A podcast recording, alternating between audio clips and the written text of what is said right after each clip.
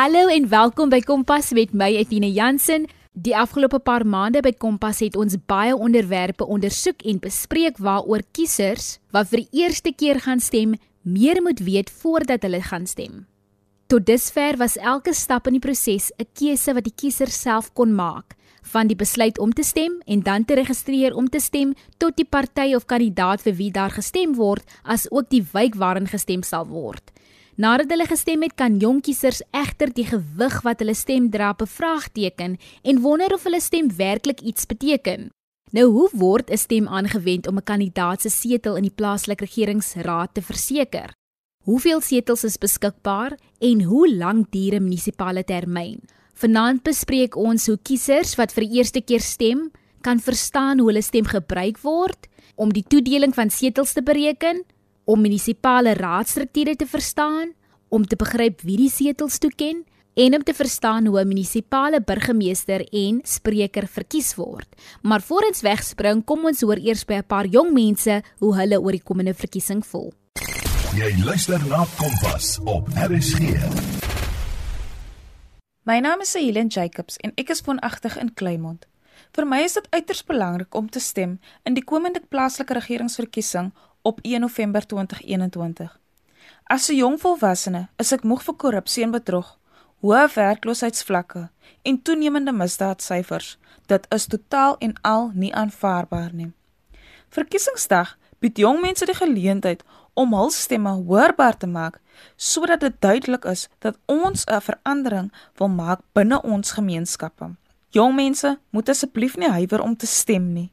Saam kan ons 'n verskil maak en 'n beter Suid-Afrika bou vir toekomende generasies. Dankie. OK, wat ek dink oor ehm um, die die vote system, OK? Of ek OK, ek persoonlik ek gaan stem. Ek, ek dink net my rede is eintlik in baie eenvoudig. is dodelik eenvoudig. Uh is net ek dink aangesien vir hoeveel jare ehm um, almal geveg het in die apartheid stelsel. En toe en vir af of baie of hoe hoe harteliker werk om by te dra tot die demokrasie wat ons vandag het sodat ons almal kan vote. Ek voel net ek moet gebruik maak van hulle opportunity anders dan voel dit vir my was wat hulle gedoen het useless. So indien ek nie die op van die opportunity gebruik maak nie. So dis basies al. Dis wat ek hoekom ek vote. Goeiedag luisteraars, is ek Angelique Nadia Haas van Homelpark, 'n trots stemmer vir 'n beter toekoms, 'n regte stap in die regte rigting.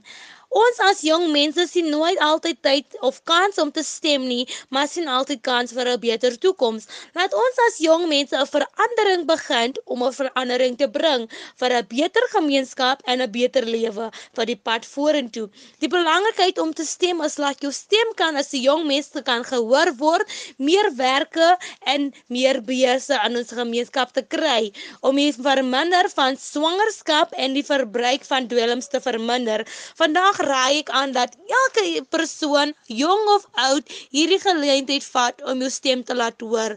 Laat ons opstaan en ons kruis maak om te stem.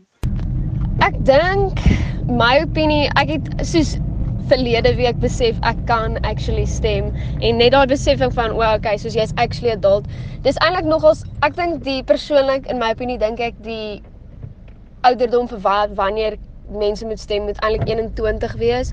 Want op 18 jarige ouderdom het jy nie regtig enige ehm um, opinie oor die politiek nie.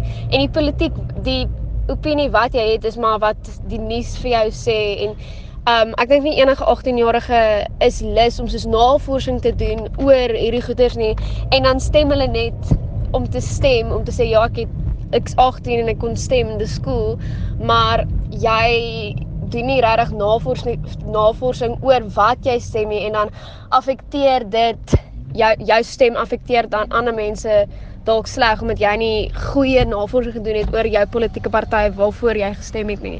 So ek dink definitief dit vir my soos ek kan nie sê ek is iemand wat baie van politiek weet nie.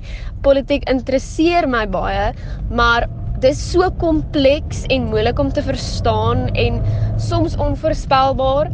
dat ek self nie seker is of ek hierdie jaar wil gaan stem nie want dit is so groot proses proses om um te registreer en in al daai lang rye te staan dat dit is net te groot hassle dat ek dink meeste van ons kinders soos ons los dit maar net. Baie dankie aan die jeug vir julle bydrae en insette vanaand by Kompas. Om hierdie vrae van kiesers wat vir die eerste keer stem te beantwoord, verwelkom ons vir Elsforth Boyse van die OVK. Elsforth, my eerste vraag is vir die wat nie weet nie, wat is 'n setel?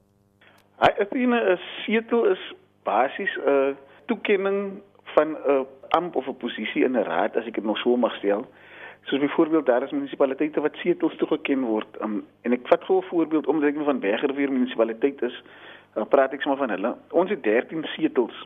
Wat beteken daar moet 13 verkose raadslede wees om daardie setels vol te staan uh, for lack of a better word, maar om verkies te word en dan gaan hulle dan dien as 'n raadslede van die Bergerveer munisipaliteit.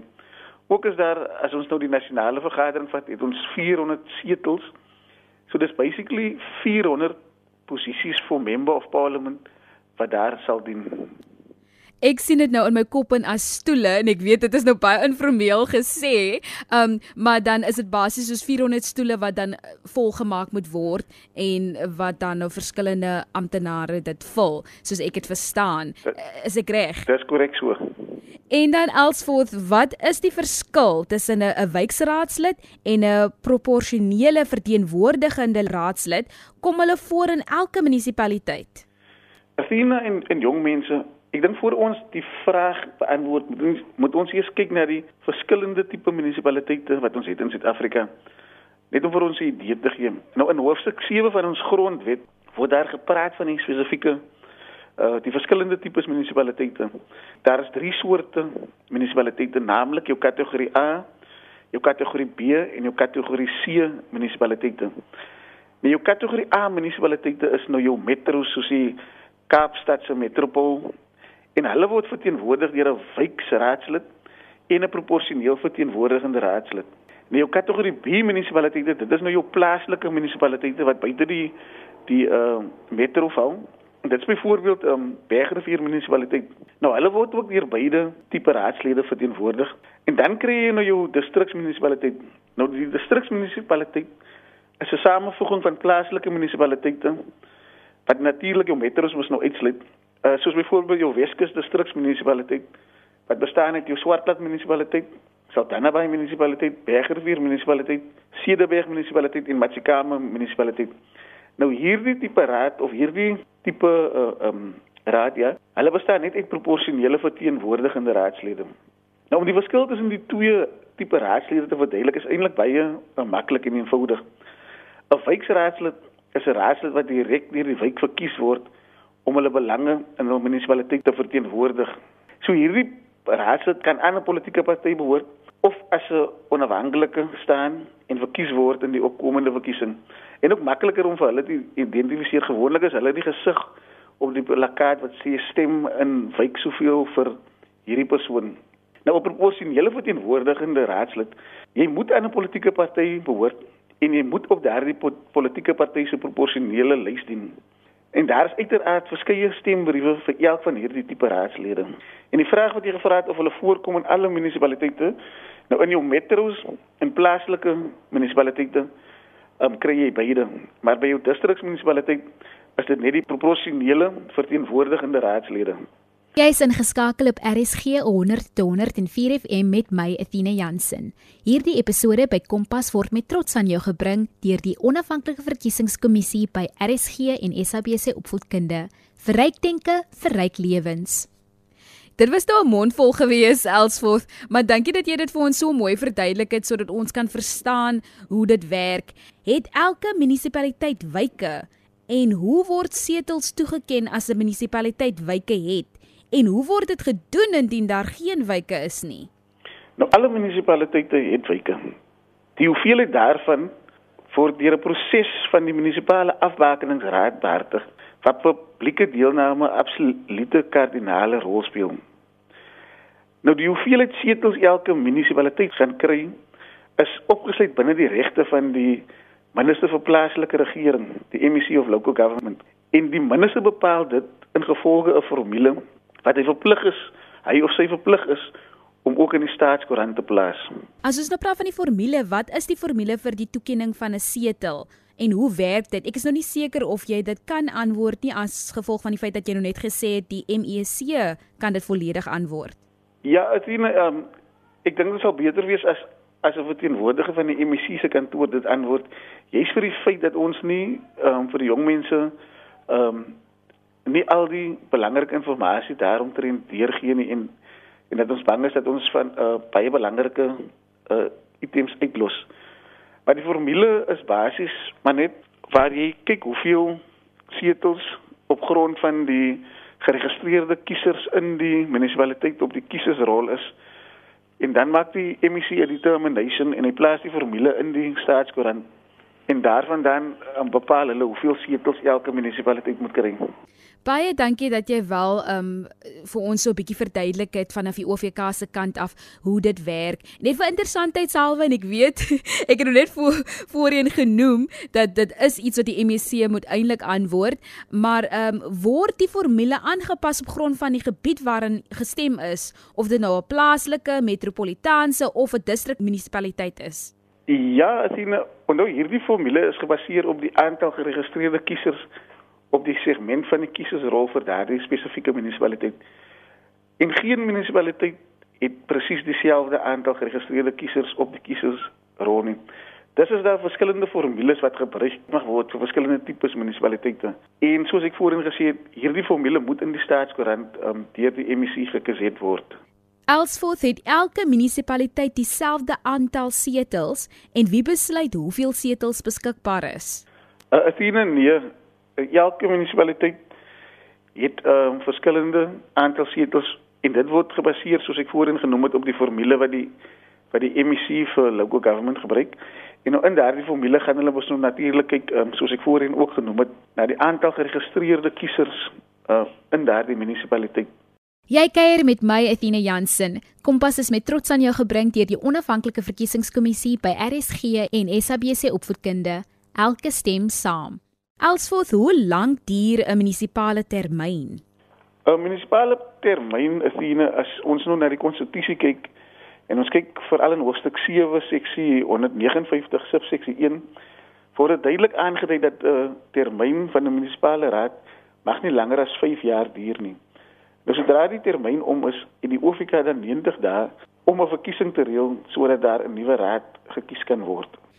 En dan wie kies 'n nuwe burgemeester en spreker of spreker? Kies die nuwe raad die nuwe amptdraers? Ja, die die nuutgekose raad, hulle verkies die spreker en die burgemeester. En die uh, munisipale bestuurder sal dan met daardie verkiesing optree as die verkiesingsbeampte. So dit is die die nuutgekose raad wat dan daardie uh, twee posisies verkies. En dan 'n laaste vraag Elsforth, is my individuele stem steeds van waarde as dit verdeel word om 'n setel te skep? Word my stem in ag geneem wanneer die burgemeester en die spreker of spreker verkies word?